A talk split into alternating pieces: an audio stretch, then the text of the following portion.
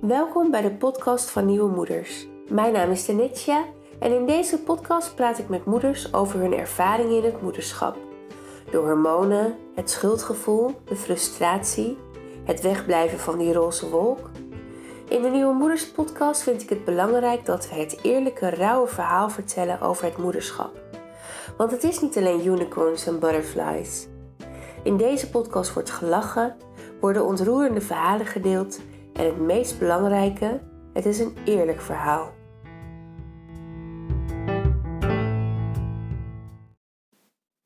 In deze aflevering spreek ik met Michanou, moeder van een dochtertje van net één jaar. Met Michanou praat ik over tijd nemen voor jezelf en we praten over de keuze om het bij één kindje te houden en hoe de omgeving hierop reageert. Hey, uh, zou je even voor willen stellen aan de, de luisteraars? Wie ben je? Wat doe je? Hoe oud ben je? Ja, ik ben uh, Michelle van Oordel. Ik ben 28 jaar. Ik ben getrouwd met uh, Jeffrey, bijna 7 jaar alweer. En we hebben een uh, kleine meid, Mila, net 1 geworden. Nou ja, net 1, eind oktober 1 geworden. En um, ik werk vier dagen in het speciaal onderwijs. Cluster 3 op een VSO-school. Mm -hmm. Dat is een beetje... Ja wie ik ben en wat ik doe. Ja, leuk. hey, en uh, hoe was jouw ochtend vanmorgen?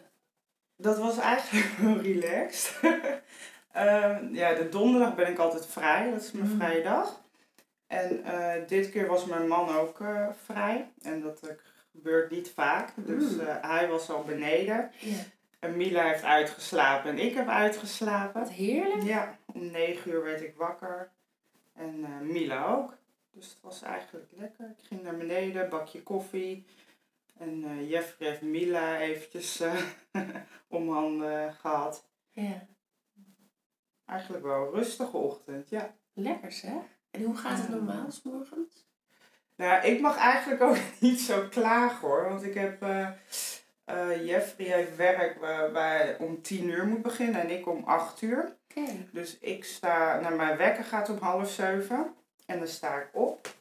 En dan doe ik gewoon rustig mijn ding en mijn lunchtrommeltje, en mijn bakje koffie en mijn ontbijtje.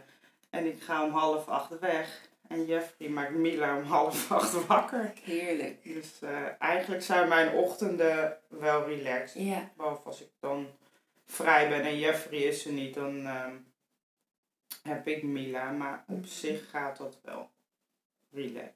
Ik heb Want geen stressochtenden. Gelukkig. Fijn. Dat ja. hoor je niet vaak, hè? Nee. Mensen met nee. kleine kinderen. Ik hoor het inderdaad niet vaak. Ik ben heel blij dat, uh, dat wij het gewoon wel zo hebben. Ja, ja. goed geregeld ook dat hij uh, ja. doet. Ja. Hey, en vanmorgen heeft ze uitgeslapen. Slaapt zij altijd uit? Nou, ik, ik zeg meestal wel dat ze uitslaapt omdat ik weet dat heel veel uh, gezinnen kampen met kinderen die dan zeg maar om zes uur wakker worden of uh, vroeger. Dus op zich, ja, ze slaapt, nou ja, half acht, acht uur vind ik wel uitslapen. Mm -hmm, Soms wordt ze wel eerder wakker, maar dan kan ik haar een speentje geven en dan gaat ze verder slapen. Yeah. En nu omdat ze wat ziekig is deze week, dan uh, dat ze dan s'avonds nog een keer wakker wordt en nog even bij ons een uurtje lekker aan het knuffelen is. En dan uh, is ze in de ochtend ook wat later wakker. Ja, ja. Ja. Wel een heel erg relaxed kind dan. Ja, wat dat betekent met de ochtenden wel, ja. ja. Want? ja, nou ja, ze kan heel druk zijn. Nou ja, eigenlijk is ze heel druk en ze is een hele bezig bij. En uh, zit geen seconde stil. Dus nu echt met dat ze ziek is geweest een weekje, dat je echt met haar kan knuffelen en dat ze bij je blijven liggen. Maar dat is anders echt totaal niet zo. Want dan is ze uh, nou, dan weer daar, dan weer daar. En dan kan je eigenlijk de hele dag achter haar aan uh, hobbelen. En ze houdt van mensen om zich heen. En dat is eigenlijk ook wat typerend voor de moeder voor mij. Want ik hou ook van uh, gezelligheid Ja. om me heen en weggaan. Dus wat dat betreft is ze wel heel flexibel. En daar ben ik wel heel blij mee. Want ik ben wel iemand van voordat ik kinderen ook nog had van... Oh, we gaan even daar naartoe. Of ik ga even een bakje koffie drinken. Of ik ga even naar een vriendin. En ehm, nu ik Mila heb, gaat het eigenlijk met één kind ook nog wel makkelijk. Ik kan er snel eh, meenemen. Ik neem mijn spulletjes mee en we gaan ergens naartoe. En als zij even moet slapen, dan kan het daar. En ehm, zo doen we dat eigenlijk op de vrije dagen samen. Ja, Lekker erop uit. En dat is wel heel lekker met, eh, met Mila, dat ze dat wel toelaat, zeg Ja. maar. En dat heeft ze ook wel echt nodig, want een hele dag thuis met haar, dat... nee, dan word ik zelf ook wel een beetje gek. Om het zo maar te zeggen. Ja. En op wie lijkt ze het meest? Op wie lijkt ze het meest? Ehm, Want dat sociale, van gezelligheid houden is van jou, zeg je? Ja, en ook voor mijn man hoor. Mijn man is nog socialer dan dat ik ben. en hij was vroeger ook heel druk. Had al na een paar maanden zoiets van ik wil niet meer liggen in een kinderwagen, maar ik wil de wereld zien. Oké. Dus hij moest ook ehm, zo worden gezet in de kinderwagen dat hij wat zag, want anders schreeuwde hij de hele boel bij elkaar van zijn moeder. Dus ik denk ook wel dat ze heel veel van hem heeft, maar ook het drukken en het ondernemen heeft ze ook wel van ons allebei. Ja. Ja.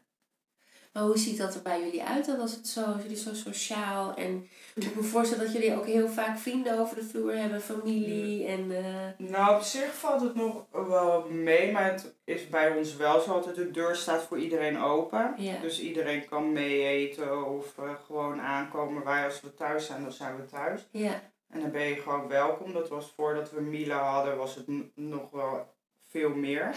Met vrienden en gezelligheid. Maar zelf ook dat we heel veel weg waren. Naar vrienden, vriendinnen en familie. Dat vind ik wel heel erg belangrijk. We hebben gewoon ouders die ook allebei in Lelystad wonen. Mhm. Dus ja, wij zijn eigenlijk zo van nou pakken Mila mee en we gaan daar even naartoe een bakje koffie drinken. Of mijn beste vriendinnetje, die heeft ook een kleine van zes jaar. Die woont vijf minuten bij ons vandaan. Nou ja, daar gaan we ook heel vaak naartoe. ja, ja, En, eh, gezellig. ja, Het is nou wel iets minder dan dat het eerst was. Toen zag ik er wel drie keer in de week. Maar ja, als je allebei een kind hebt, dan eh, gaat het wel iets, eh, iets minder makkelijk. Ja, ja, verandert wat dan, hè? Ja, Ja, ja, van, ja dan verandert zeker wat. Ja.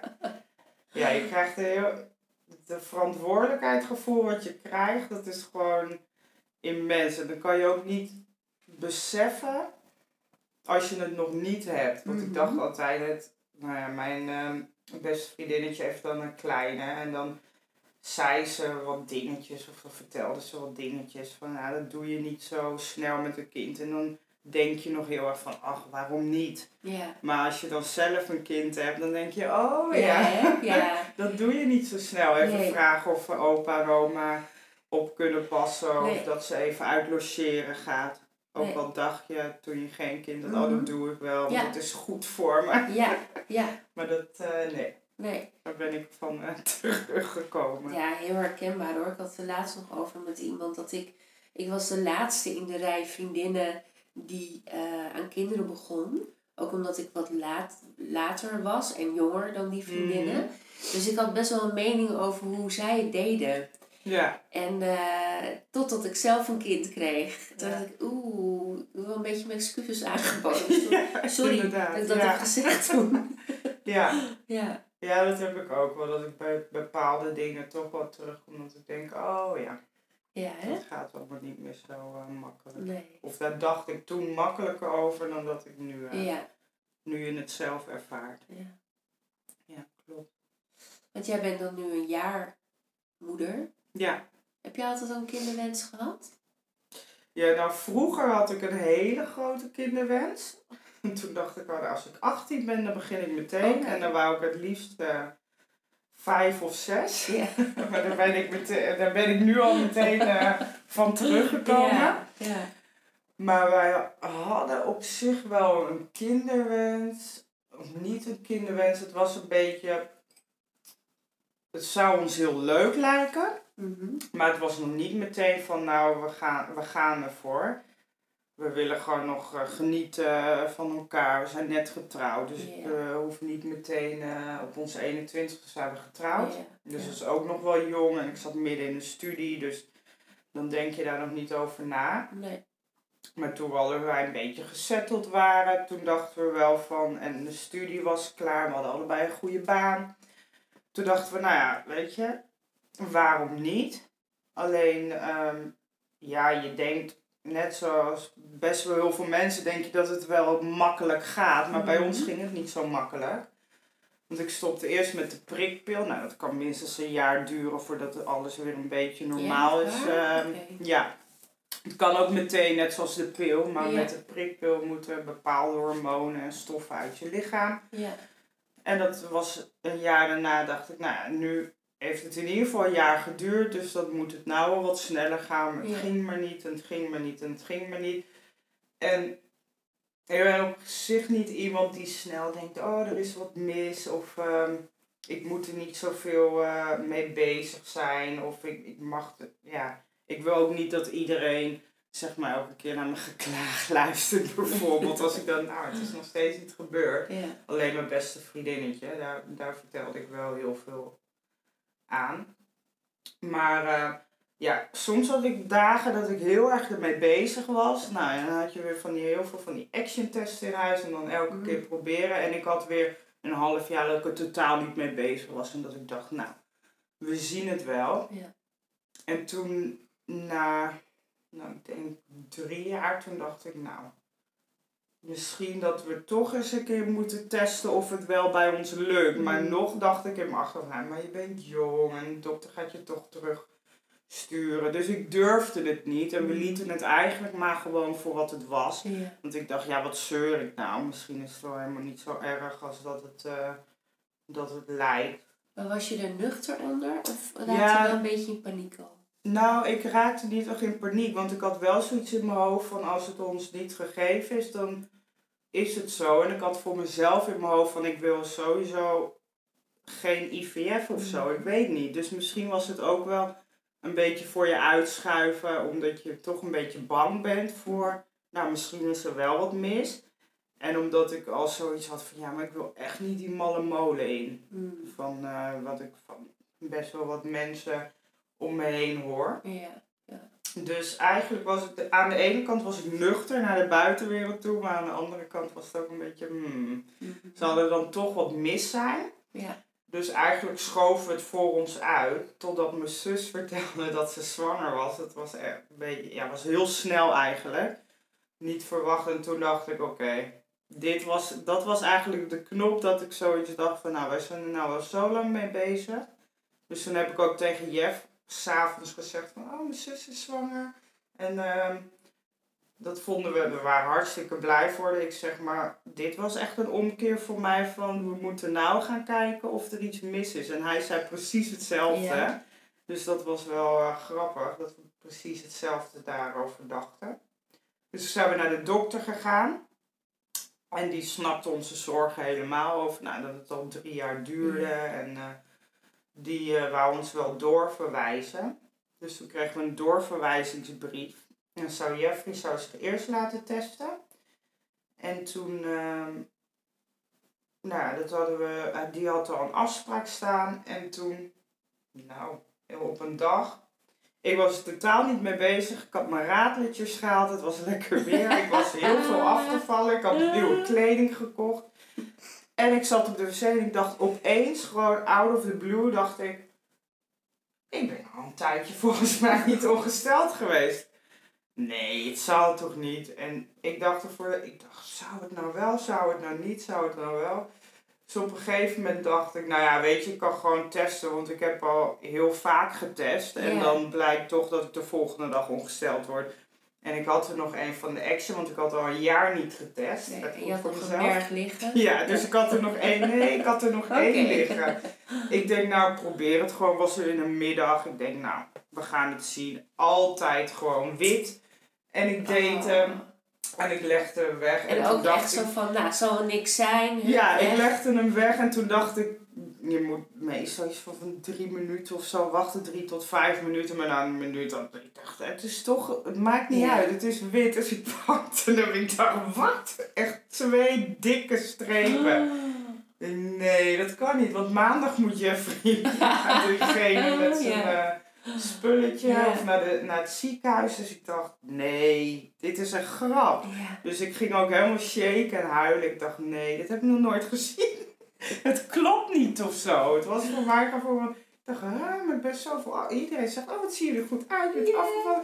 Ik heb radelen in huis gehaald, vanmiddag wil ik een radeletje doen, wat is dit? Het past niet in de planning. past niet. Nee. Ja, heel onwerkelijk. Dus ik heb Jeff gebeld. En zei je moet echt even zitten hoor. En toen dacht hij dat er iemand was overleden. Oh, dat zei hij nog. Zei ik, ik ben gewoon zwanger. Toen zei hij, nee, dat kan niet. Want ik moet maandag gaan Ja. Hij zei, nee, dat kan niet. Ik zeg, jawel, dat kan echt. Wacht, ik stuur een foto via de app. Ja. En toen, nou, toen hoorde ik niks. Dus zei hij, hè, hoe dan? Nee, je gaat nog maar een keer testen. Dus eh, nou ja, we waren eigenlijk allemaal een beetje, we waren overrompeld. En zoiets van, nou, weet je, we gaan wel zo'n digitaal halen. Dat je zwanger ziet. Ja. Ja. Dus de volgende dag hebben we zo eentje gehaald. Nou, en toen stond er twee tot drie weken zwanger. En toen dacht ik, nou, dit is gewoon echt, hoe kan dit? Ja. Dus het was, ja, dat was wel, ik vond het wel een heel mooi moment en heel onverwachts dus. Ja, ja. Omdat je uiteindelijk ben je er mee bezig. Je denkt, nou, we gaan naar het ziekenhuis. Ik had een heel foldertje gekregen van eh, wat, nou als je, wat nou als blijkt dat het verkeerd zit, noem het maar op. Ja. Dus ehm, ja, we waren goed overrompeld. Uiteindelijk bleek ik zeven weken te zijn toen ik dus erachter kwam. Ja, en met acht weken de echo. Toen zagen we dus al zo'n kloppend hartje. Ja, heel onwerkelijk. ja, Ja.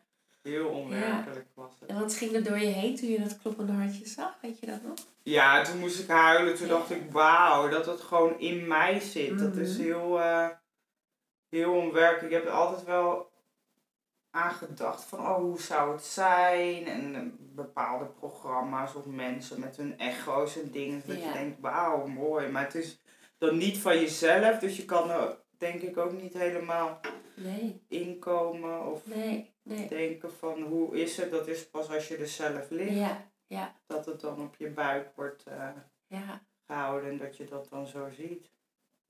Ja, Dus toen was je zwanger. ja. Toen en was hoe, ik zwanger. hoe was jouw zwangerschap? Verschrikkelijk. Oh ja? ja, ik heb, eh, ja, ik heb denk ik een week, van de 7 tot 8e week heb ik, eh, was alles stop. Was ik helemaal op een roze wolk, hoe ze dat noemen. Mhm. En daarna begon eh, de misselijkheid. Maar niet dat ik moest overgeven, maar ik was gewoon, de, heel, eh, gewoon eigenlijk wekenlang misselijk. En eh, geen eetlust. En nou, ik vond, eh, nee, dat vond ik niet fijn. Ik voelde me ook beroerd. Ik was, ehm, was heel moe. Dus ik dacht van, nou, eh, ik hoop dat het met de dertiende week of zo overgaat. Ja. Maar dat ging het niet, bleef nog wel even doorgaan. En toen, denk ik met, nou ik weet het geen eens, met 16 weken of zo, dat ik me een beetje weer goed voelde. En dat heeft misschien een paar weekjes geduurd. En toen eh, kwamen er allerlei klachten met, met eh, mijn bek eh, en mijn, ehm, hoe noemen ze, buikspierenachtig iets. Alles Ja, begon te trekken. Ja, bandenpijn, Ja, denk ik heet ja, het. Bandenpijn. Ehm, nou ja, mijn bekken, mijn benen, mijn rug, alles bij elkaar. Dus eh, nou ja, uiteindelijk ging dat niet zo goed. Heb ik ook nog fysio gehad. Hm. En ik ging uiteindelijk de zomervakantie in. Nou, ik had vijf weken zomervakantie. En dan kan ik gewoon mijn eigen ding doen. Lekker eh, wanneer ik uit bed wil, uit bed. En eh, vakantie houden. Dus dan ging het goed, want ik deed alles op mijn eigen tempo. Maar ik kon niet meer veel lopen of zo. Ik kon echt maar misschien eh eventjes een rondje lopen. Maar daarna was ik al back af. Dus ik moest echt alles al met de auto gaan doen. En ik had totaal geen buik. Niemand zag dat ik zwanger was. Hoe ver was je toen dan? Toen was ik denk ik 20, 25 weken zwanger, denk ik. Ja. En toen moest ik weer aan het werk. Meteen de eerste dag ging het eigenlijk al niet. En toen, eh, nou ja, zitten de- deed al gewoon heel veel Mm, pijn. Alles ja. deed me zeer. Dus toen, ik heb denk ik van acht tot half drie gewerkt. En toen zei ik, nou, dit lukt me niet. En En toen ben ik de tweede dag nog gekomen. En toen moest ik eigenlijk al ehm, zeggen tegen mijn leidinggevende... Nou, ik denk dat mijn dagen ingekort moeten worden. Ja. Ik denk dat ik van acht tot half drie moet werken. Dus de week dat we gingen opstarten en de week daarna toen de leerlingen weer kwamen... Nou, toen heb ik misschien één of twee dagen volgehouden tot half drie. Toen moest ik nou van acht tot half één. Ik denk, nou, dan ga ik maar ochtendjes proberen. Ja. En eh, met mijn verloskundige heel veel aan de telefoon. Dat ik het niet trok. Dat ik dacht dat ik voorweeën had. Ik had Mm. gewoon heel, elke dag heel veel pijn. En ik kwam thuis. Zodra ik thuis was, lag ik op bed. En ik kwam er ook niet meer vanaf. Jeff moest me helpen. Hoe was om dat? eraf te halen. Ja, verschrikkelijk. Ja, wat deed het met je hoofd ook? Ik dacht echt van... Ik dacht dat ik me aanstelde. Je Ik- dacht dat je aanstelde. Ja, een soort van... Nou ja, niet dat ik me aanstelde. Want ik weet wel dat ik de pijn voelde. En dat het Mhm. Niet aanstellerig was, maar ik vond het aanstellerig overkomen, omdat ik had totaal nog geen buik. Nee, ja. En je, je zag eigenlijk niet veel Nee. aan de buitenkant. Nee. En ik had nog twee collega's die fulltime werkten. En die gewoon eh, met zo'n buik alles Ja, deden. En, ja. weet ik, en als je die verhalen hoort, denk je, nou, wat stel ik me dan eigenlijk aan? Maar ik weet van mezelf, zodra ik thuis kwam, kon ik niks Nee, meer. Dus ik zat er heel erg mee in mijn maag van, ja, maar ik wil ook niet eerder stoppen met werk. Want wat zullen ze wel niet van me denken? De verloskundige zei ook, ja, jij bent de enige die die beslissing Ja. kan maken. Ja. Maar ehm, ja, als ik dat al in mijn hoofd heb, ga ik door. En dat deed ik dus ook. Totdat ik, ehm volgens mij kwam ik thuis van werk. En toen had ik de hele avond dat ik voorweeën. Nou, ik denk dat ik 31 weken was. 30, 31 weken. En het bleef maar komen, het bleef maar komen. En s'nachts ook. En het deed zoveel pijn dat ik op een gegeven moment de verloskundige heb moeten bellen. En die zei, nou je moet naar het ziekenhuis om te kijken hoe alles is. Want ik had al ehm verweekt of zo van onder. Hoe noemen ze dat? Dat het verweekt was. Dat je baarmoedermond al Ja. verweekt of zo, ja. Dus eh, voor de zekerheid naar het ziekenhuis. Nou, en daar zijn we s'nachts naartoe gegaan. En daar bleek uiteindelijk alles goed. Maar toen zeiden ze ook, nou ja, je wilt het misschien niet horen. Maar het is toch echt beter dat je gewoon je werk stopzet. Dat je de ziektewet ingaat. Want je kan, weet je, dit kan gewoon niet zo. Want je hebt elke dag zoveel pijn. En het Ja. is gewoon zo, als je doorgaat, dan kan, het, kan Mila, kan het kindje dus eh, wel eerder komen. Ja, ja. Dus je moet echt je rust nemen en gewoon niet veel meer gaan doen. En terwijl dat was wel even dat ik dacht, oké, ja, het ligt nou in het ziekenhuis. Nou, ik denk dat ik toch echt wel nu moet stoppen met Nu werken. stel ik me niet meer aan. Nee, nu stel ik me Nee. niet meer aan. Dus eh, ja, de volgende dag zou ik moeten werken. Maar toen heb ik eh, afgezegd. Ja. Toen ben je Ja. de rest van de tijd thuis eh, Ja. geweest. En dat vond ik verschrikkelijk. Ja, ja, Ja, ja. Ja. Ik was ook totaal niet mezelf. Ik was echt een hele andere Michelin. Heb ik later ook van anderen gehoord. Ik Ja? was geen leuke, Nee. leuke zwangere vrouw. nee, maar als je al vanaf het begin af aan zo en misselijk en Ja. en pijn, dan kun je er natuurlijk ook niet van genieten. Nee, Iets waar je dan zo lang naar uit hebt gekeken, dat ja, precies. dan eigenlijk... eh, Nee, ik kon, ik kon er totaal op een gegeven moment niet meer van genieten. En ik vereenzaamde mezelf ook. Want Mm. ik had ook geen zin om in mensen om me heen of zo. nee, nee, Totaal niet. nee. Ik dacht echt zo van, nou, zoek het allemaal maar uit. Dus ik heb ook heel veel weken, nou, Jeff moest heel veel werken. Ik werkte toen nog in de zorg. Ja. Dus ik was ook heel veel alleen. En nou ja, en dan zit je, Avonden, met je, weekenden. Ja. ja. zit je met jezelf in de knoei. En dan denk je van, ja, wat moet ik nou? En ik kan ook niet veel. En dan loop je eigenlijk een beetje te, ja, te verzuren of zo. Ja. Dus nee, dat was echt... ehm, geen, ik vond het geen leuke tijd, Nee, mijn zwangerschap. ik kan me voorstellen als ik het Ja. zo hoor, ja. En met hoeveel weken is ze geboren? Met 38 weken en 5 dagen. Oké. En Was jij blij dat het iets eerder kwam? Of was dat, Nou, was dat zorgelijk? Ik had het niet, eh, ik had het eigenlijk niet echt verwacht. Want heel veel denken al nou, met 37 weken ook mag komen. Oh dus dan ja, gaan ze ja. aftellen. Maar dat had ik totaal niet. En eh, ik dacht, nou weet je, ik denk met de 40 weken, dan uh, zal het wel komen. Het is de eerste, of het komt later. Dus ik had het ook niet echt verwacht. Dus toen ik weeën kreeg, dat was s'nachts, dacht ik van, nou ja, het is het niet. Want dat zijn voorweeën, want ik had het al vanaf week, nou ik denk week 20 al wel voorweeën. Ja. Dus ik dacht, nou dat is het nu ook weer. Totdat het dus ehm, steeds meer begon. Ja. En dat het wel eh, ontsluiting bleek te zijn en echt weeën. Ja. Maar ehm, Maar hoe was dat dan? Want je, had, je dacht, het ga- gaat nog niet gebeuren. En nee. toen gebeurde het wel. Ja, dat was, het kwam in de om half twee s'nachts. Dus ik dacht dat het voorweeën waren. En eh, ik heb eigenlijk de hele nacht gewoon een beetje gedacht, nou, een beetje kramp, vervelend. Ik heb eigenlijk niet kunnen slapen.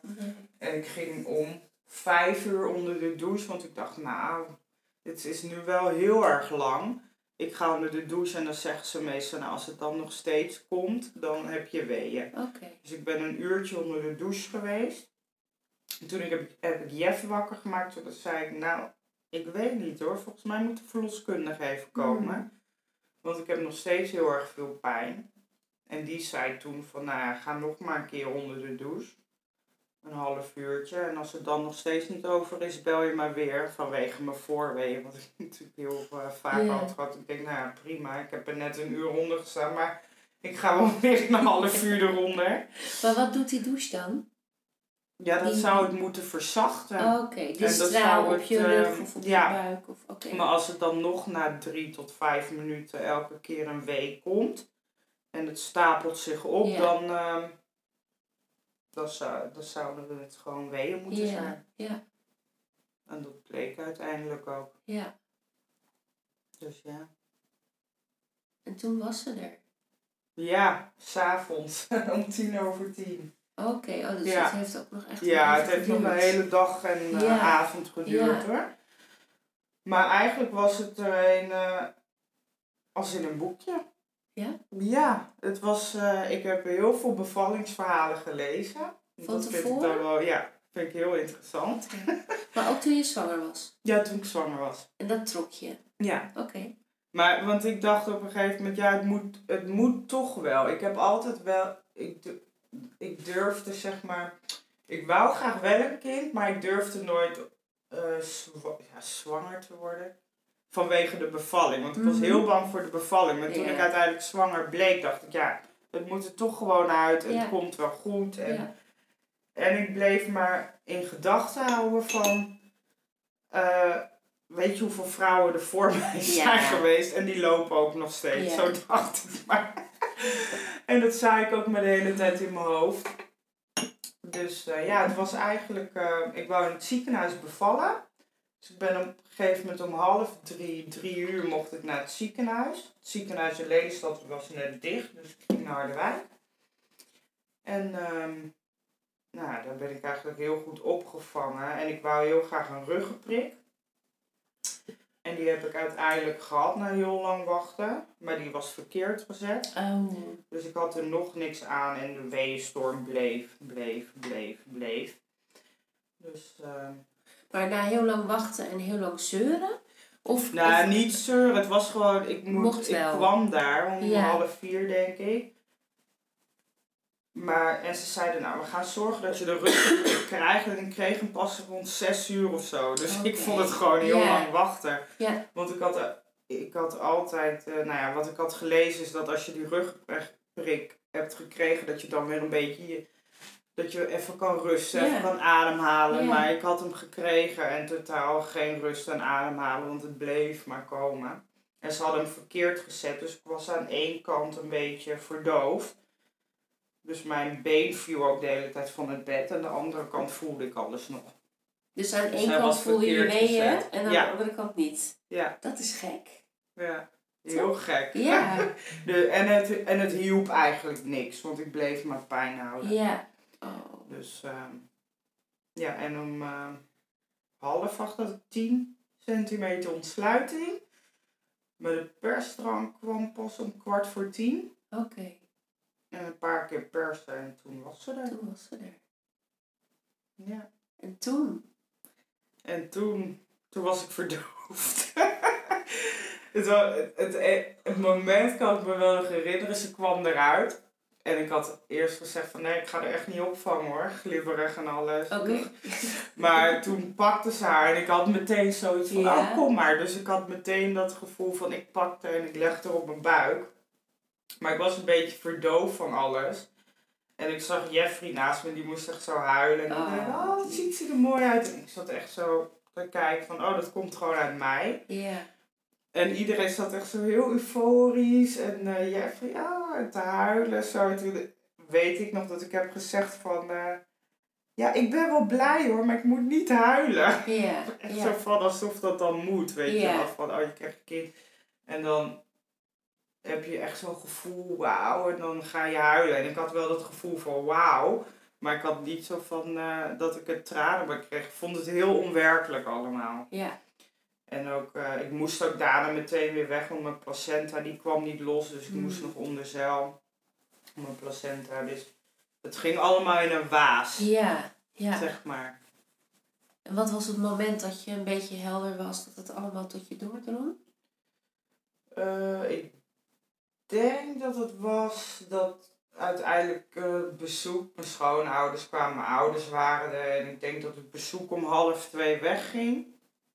En ik lag daar en Jeffrey die mocht ook blijven slapen. En dat ik naar Mila keek en dat ik dacht, ik heb gewoon een kind. Oh, ja.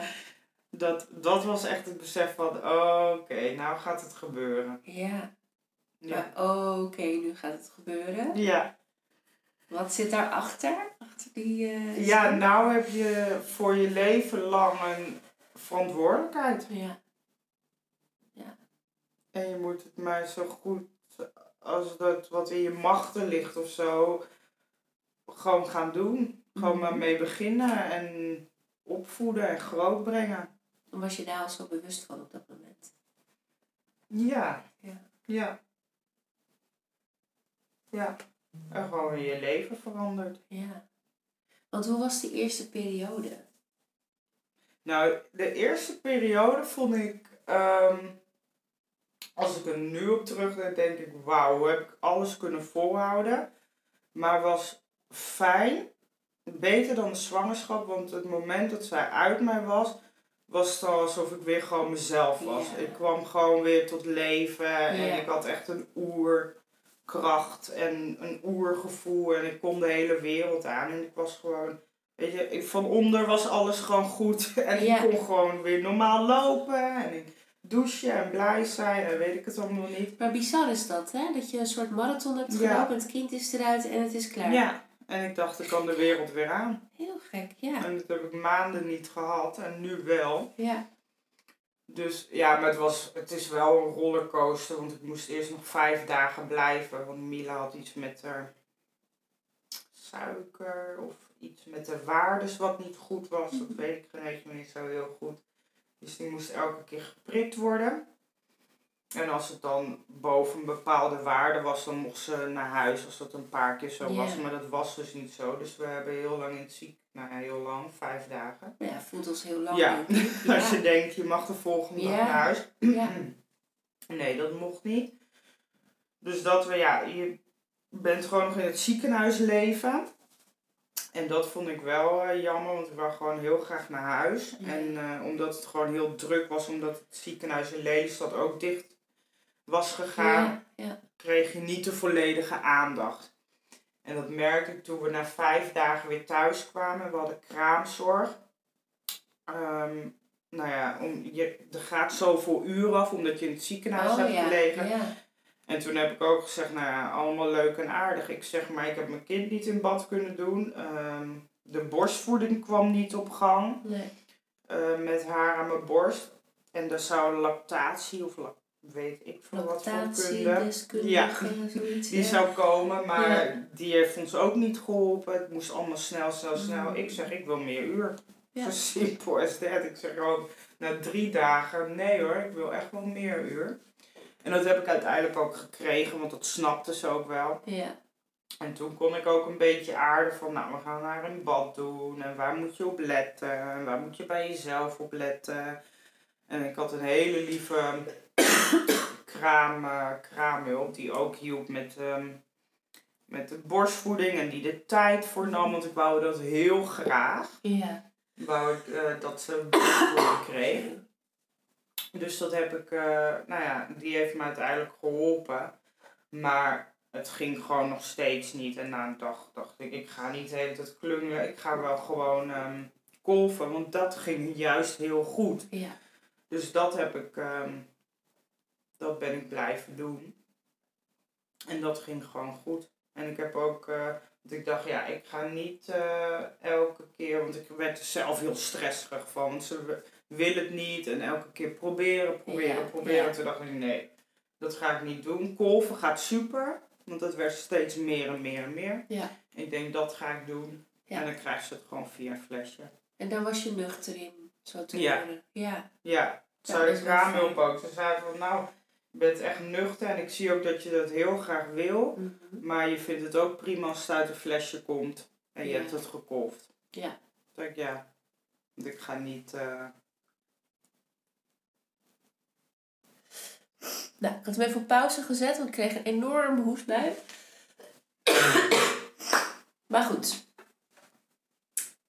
De lactatiedeskundige. Ja. Nee, die had ons niet geholpen in het ziekenhuis. Nee. Dus uiteindelijk eh, naar huis.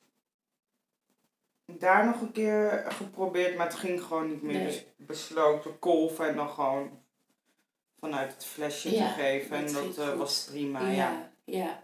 Ja. Ja, anders merkte ik dat ik er gewoon heel veel stress van kreeg. En eh, daar had ik geen zin in. Nee.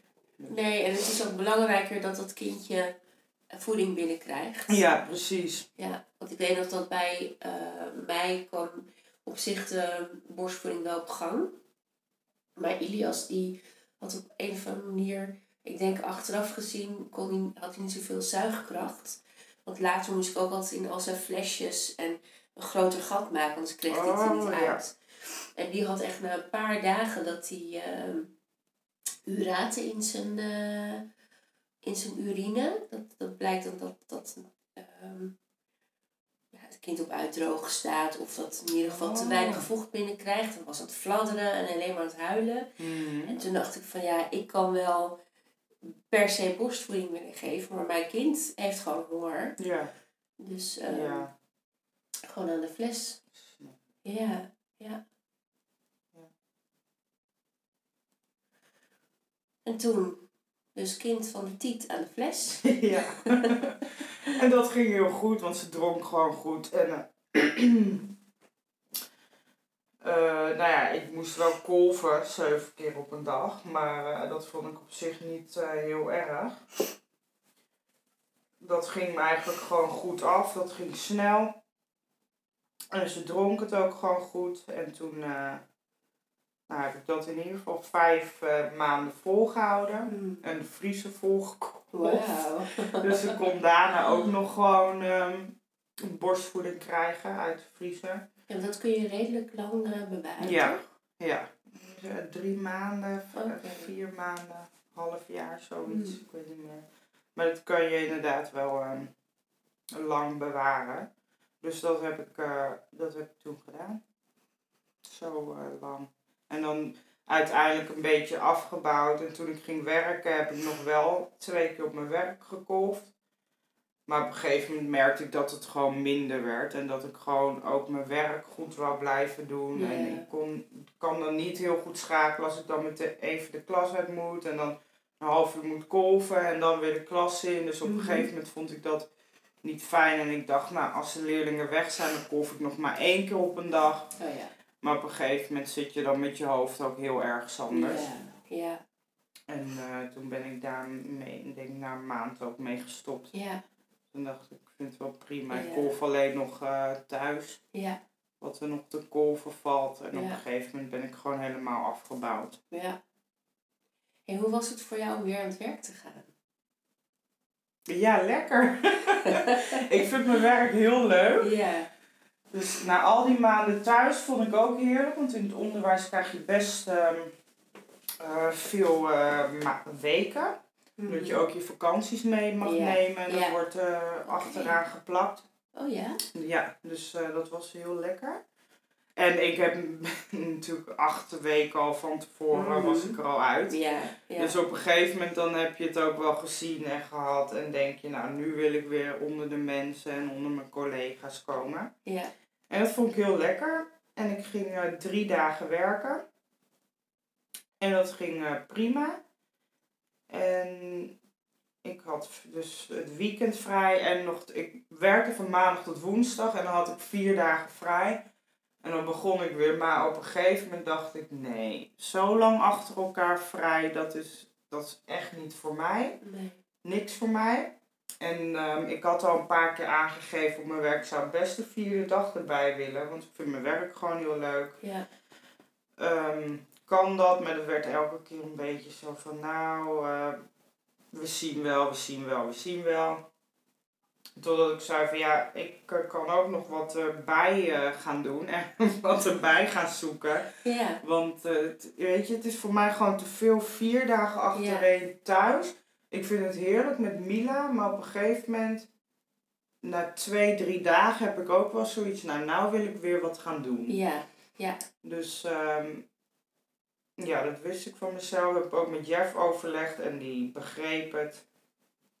Dus, ehm, en maar u- uiteindelijk eh, mocht ik op mijn werk, kreeg ik een vierde dag waar ik heel blij mee was. En die extra dag eh, zeiden mijn ouders, nou dan willen wij eh, wel Mila passen. Oh, dat is Ik fijn. denk, nou top. Ja. Is dat ook fijn Dan geregeld? gaat dat geld ook ja. naar de kinder, eh kinderopvang. En dan eh, ja, ben ik ook, denk ik, wel een leukere moeder. Want ik dacht eerst ook altijd van, oh nee, als je een kind krijgt, dan moet je zoveel mogelijk thuis zijn. En ehm, dat dacht ik ook altijd, ik ga zo min mogelijk werken, zodat ik heel veel bij mijn kind kan zijn. Ja. Maar op een gegeven moment zei ik ook tegen Jeff, ik ben een leukere moeder als ik werk. Ja. En gewoon ook mijn ding kan doen. Waarvoor ik heb geleerd. En wat ik altijd gewoon leuk vind en vond om te doen. Ja. En eh, ik zie dat Mila het ook gewoon heel leuk heeft met andere kinderen. Ja. Bij de gastouder. Ja. En eh, met andere kindjes om de heen. Ja. Dus daardoor maakt het denk ik ook minder schuldgevoel. In het begin had ik dat wel. Maar nu denk ik nee, ze heeft het prima. en ze vindt het leuk. Ja. En eh dan kan ik ook met een gerust hart eh, Ja. haar achterlaten. Ja. En begreep jouw omgeving het ook meteen? Want eigenlijk, ik heb altijd het idee dat er een beetje een soort taboe op rust dat een moeder eh, het heel fijn vindt om te werken. Ja, nou ja, meer dat ik dat als zoiets lees of dat ik van ver hoor. Maar ik heb gelukkig niet echt gehad dat mensen zoiets hadden van, nou, ga je een extra waarom of eh, van die verwijtende blikken. Of, dat heb ik gelukkig niet, maar dat zou me ook echt niet uitmaken. Want ik doe waar ik me goed bij voel, Ja, waar ik me prettig ja. bij voel, dat doe, ja, dat doe ik. ehm, dat deed ik niet altijd, maar moet gewoon eigenlijk daarin ook gewoon voor mezelf kiezen, denk ik. Ja. En ehm, ik zie dat, dat Mila het ook leuk heeft waar ze naartoe wordt gebracht. Zoals Ja. bij de gasthouder en bij mijn ouders. En ehm, ik denk ook wel dat ze dat nodig heeft. Mhm. Want eh, alleen maar met je eh, papa en mama thuis en je ko- je komt niet veel verder, Mhm. Dat is voor haar ook niks. Nee. Zij is echt ondernemend en druk, Ja. wat ik al vertelde. Dus ze vindt het ook leuk om ehm, dingen te doen. En ik denk zoiets, ja weet je, ik werk ook in het onderwijs, dus ik ben heel veel weken in het jaar ook vrij. Ja. En dan Ja. heeft ze mij gewoon. Ja. En tuurlijk dat ik ook wel de gasthouder door laat gaan hoor. Want sommigen die hebben zoiets van nou, als ik vrij ben dan, eh, dan eh, breng ik mijn kind niet naar de kinderopvang of naar de gasthouder. Maar ik vind het juist lekker om een dagje voor mezelf te hebben. Ja. En of ik doe het huishouden of ik ga eventjes gewoon helemaal niks doen. Of Ja. gewoon even erop uit en mijn handen vrij. Dat vind ik ook heerlijk. Ja.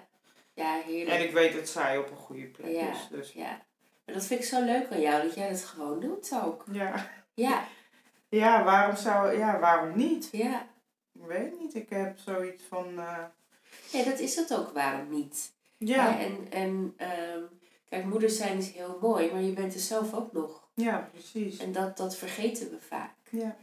En eh, het is juist heel mooi om. eh, ehm, nou ja, ik vind dat wel leuk als ik andere vrouwen eh, ook ontmoet. die ook die, die drive hebben om gewoon lekker hun eigen leven nog te Ja. leiden. En het is niet zo dat als je een kind hebt, dat opeens jouw eigen leven ophoudt. Nee. En dat je het fijn vindt om lekker een paar dagen te werken. eh, en en eh, als je vrij bent, eh, het, je, je dochter nog wel naar de opvang te brengen. Betekent niet dat je niet van haar houdt. En dat je niet van het moederschap geniet. Ik denk dat je dan juist meer van het moederschap kunt genieten Ja. omdat je dat doet. Ja. Ja. En gewoon even dat je ook weer een beetje zelf kan opladen. En ik denk dat je daar van eh, ook wel een leukere moeder wordt. Ja, Dat je dan even een dagje voor jezelf hebt en daarna de rest van de week ben je er weer voor je, voor je kind. ja, Niet dat je dan niet voor je kind bent, maar het is gewoon ja. Ja. De- Het is ook, ik vind het heel belangrijk om ook die tijd voor mezelf te nemen. Gewoon eventjes, ehm, even niks. Ja. Zo, even eh, ja. tijd voor mezelf. Ja, en, en iedereen is daarin anders. Ja. Je hebt niet één standaard Nee. van je moet allemaal zo zijn. nee. Het is juist leuk als, als iedereen daar gewoon lekker zijn eigen Ja, precies. in... eh, En dat moet iedereen ook vooral doen. ja, En kijk, als iemand zoiets zegt, nee, dat wil ik niet, dan is dat ook prima. Dat is jouw keus. Ja. Ik veroordeel ook geen enkele moeder. Want het is maar net, ja, hoe je het... Je deelt het zelf in hoe je het, zeg maar, zou willen. ja, En dat vind ik gewoon heel belangrijk. En soms eh, kunnen we zoveel discussies hebben, wel of niet borstvoeding, of wel of niet eh, ergens laten slapen of logeren, of wel of niet naar een gastouder kinderopvang. En ik denk, weet je, jij bent de moeder, jij zal het wel weten. ja, Als jij het fijn vindt zo, dan vind jij het zo Ja. fijn. ja, Ik vind het op mijn manier fijn Ja. eh, hoe ik het doe. ja, inderdaad. Dat vind ik gewoon heel belangrijk. Ja. Hey, ehm, als je nou terugkijkt hè, op afgelopen jaar, wat was nou het mooiste moment? Het mooiste moment van afgelopen jaar. Ehm, ja, ik heb best wel veel mooie momenten. Ik weet niet, als, als ik kijk, dan denk ik wel, ik, de vakantie met vrienden en hun dochtertje en ons ehm, dochtertje vond ik wel een, een eh, heel mooi moment. Omdat ik ben al zo lang bevriend met haar. Zeg maar, ik, ehm, hoe lang zou ik nu zijn? 20, 21 jaar. Zij heeft een kleine van 6 jaar. En ehm, onze mannen zijn bevriend. Eh, allebei. En nou, nu onze dochters die groeien met elkaar op. Ja. En we zijn eigenlijk nog nooit alleen eh, op vakantie geweest of met elkaar. En dat we nu dat gewoon konden met onze beide gezinnen. Ja, En gewoon lekker hoe we zijn. Ja. En eh, even lekker weg. En gewoon aandacht voor elkaar. En voor de kinderen, maar ook voor elkaars kinderen. Ja, dat was, vond ik wel heel relaxed. Dat vond ik wel echt een moment dat je denkt, ga met onze gezinnen weg. Dat is ook een soort trots. ja hè? En gewoon fijn dat je het zo kunt doen met Ja. elkaar. Ja, Dat vond ik wel echt, ehm, ja. Wat dat betreft eh, vond ik dat wel een heel mooi moment. Met z'n allen. ja. En wat vond je het zwaarste? Het zwaarste? Ehm,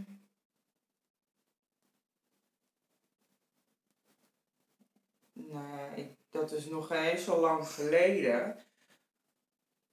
Want je, het zwaarste vind ik, denk ik, ehm, hoe kan ik dat goed zeggen? Nou, ik zeg altijd, ik vind het, het mooiste aan het, eh, ik vind het moederschap het mooiste en het zwaarste wat er is. Ja, Ik vind het prachtig en het is overweldigend en hoe trots je op je kind kunt zijn als ze iets kleins hebben gedaan. Zo gek. 10.000 foto's en iedereen moet het weten. Maar het is ook het zwaarste. Want soms dan loop je zelf heel erg voorbij. En dat, dat heb ik gehad, nou ik denk, een paar weken terug in de kerstvakantie was dat. En ik dacht, nou nu krijg ik wat meer rust. Mhm. En ik had vrij met Mila, mijn man die moest heel veel werken. Ja. En op een gegeven moment ga je met door. En de gasthouder die had vakantie. En ik ben zelf niet zo snel iemand die aan de bel trekt om te vragen of iemand iets van me kan overnemen. En al die feestdagen. En ik was gewoon helemaal opgebrand na week 1. En toen dacht ik, nou als ik nu nog steeds door blijf lopen en ik moet straks weer aan het werk, dan ga ik er aan onderdoor. Ja, En op een gegeven moment ben ik ook geknapt bij mijn moeder. ja, En toen eh, hebben mijn ouders eh, hebben haar ook even overgenomen. En toen hebben ze uiteindelijk de week daarna een dagje willen oppassen op haar. En toen kon ik even bijtanken. En ik heb denk ik de hele dag gewoon in mijn bed gelegen. Alleen maar slapen, slapen, slapen. En toen was ik er nog steeds niet hoor. Want toen dacht ik, ja, oh, ik moet. Dat was op een dinsdag. En dan moest ik dus nog ongeveer een week. En daarna weer werken. En op een gegeven moment heb ik echt tegen Jeff gezegd. Van, ik ben blij als ik straks weer aan het werk kan. Ja. Gewoon weer heel even. Dat, misschien de ritmestructuur. Want dat ben je dan ook even kwijt in je vakanties en met die feestdagen. Maar gewoon weer even het ritme en het structuur behouden. ja.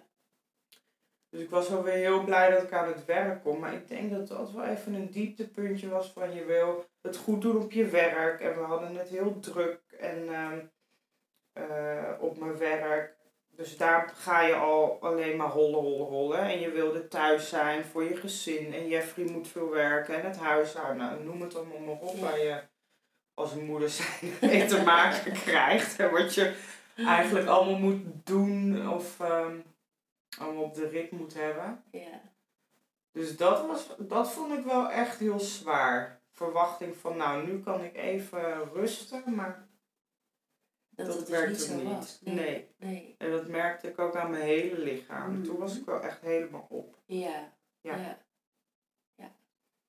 Ik denk dat dat wel... eh, heel, ja, dat was wel een van de zwaarste momenten. Zo aan het eind van het jaar. Nou, zeker. En in het onderwijs is het heel druk in die Ja. decembermaand, toch?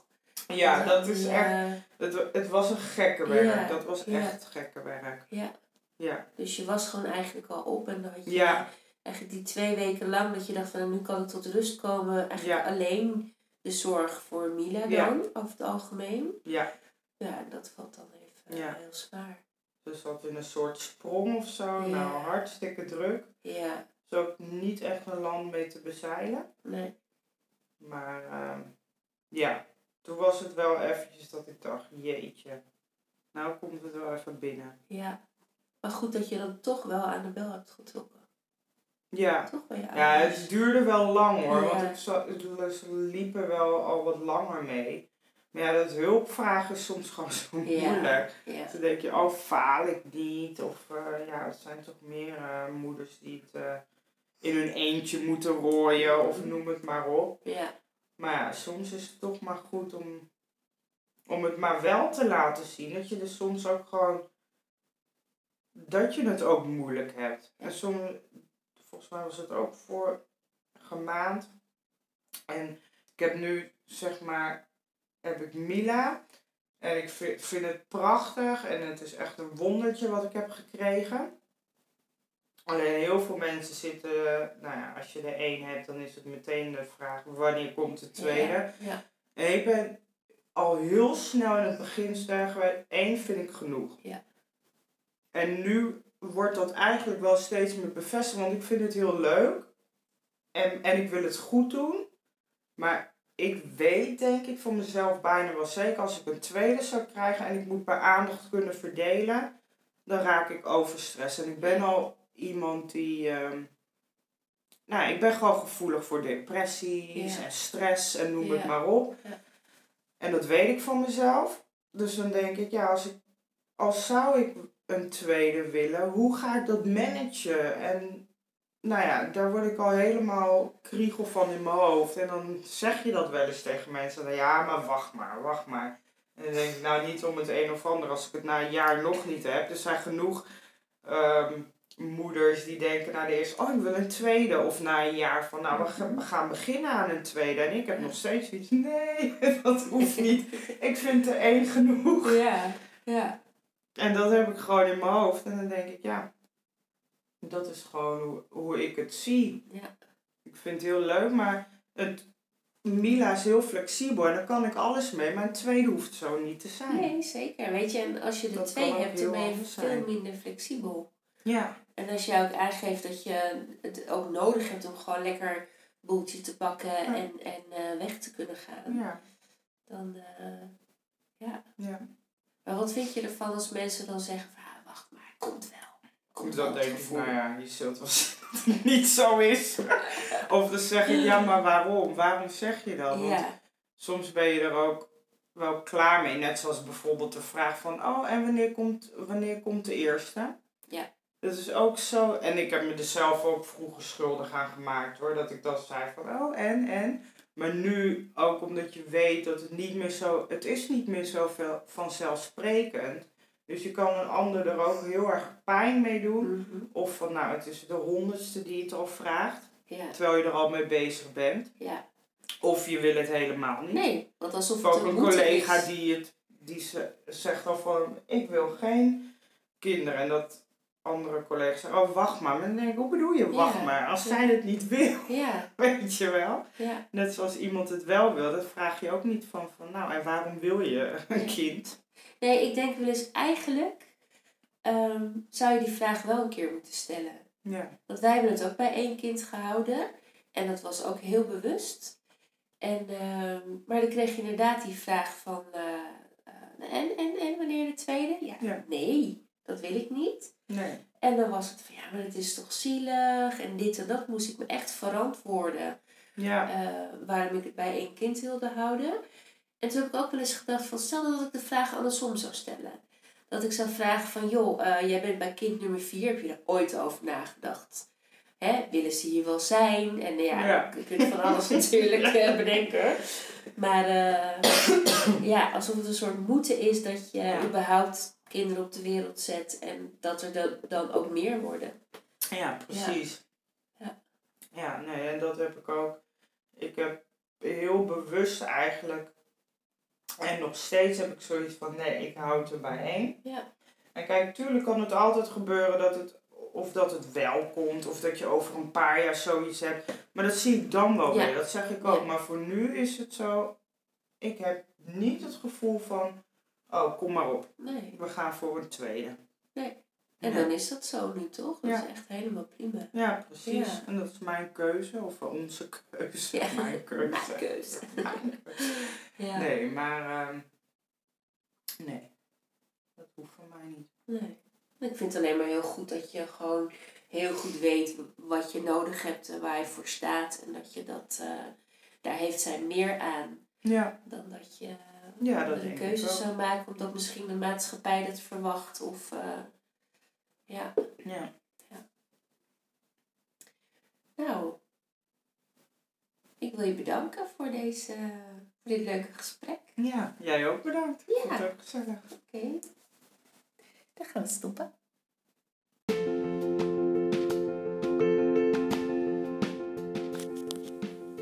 Bedankt voor het luisteren naar deze podcast. Heb je nou een vraag of wil je doorpraten over hetgene wat je net gehoord hebt? Stuur me een berichtje naar info@danitjacoaching.nl. En als je zelf ook eens in de podcast wil met je verhaal, stuur naar hetzelfde e-mailadres een berichtje. Nou, bedankt nogmaals en graag tot de volgende keer.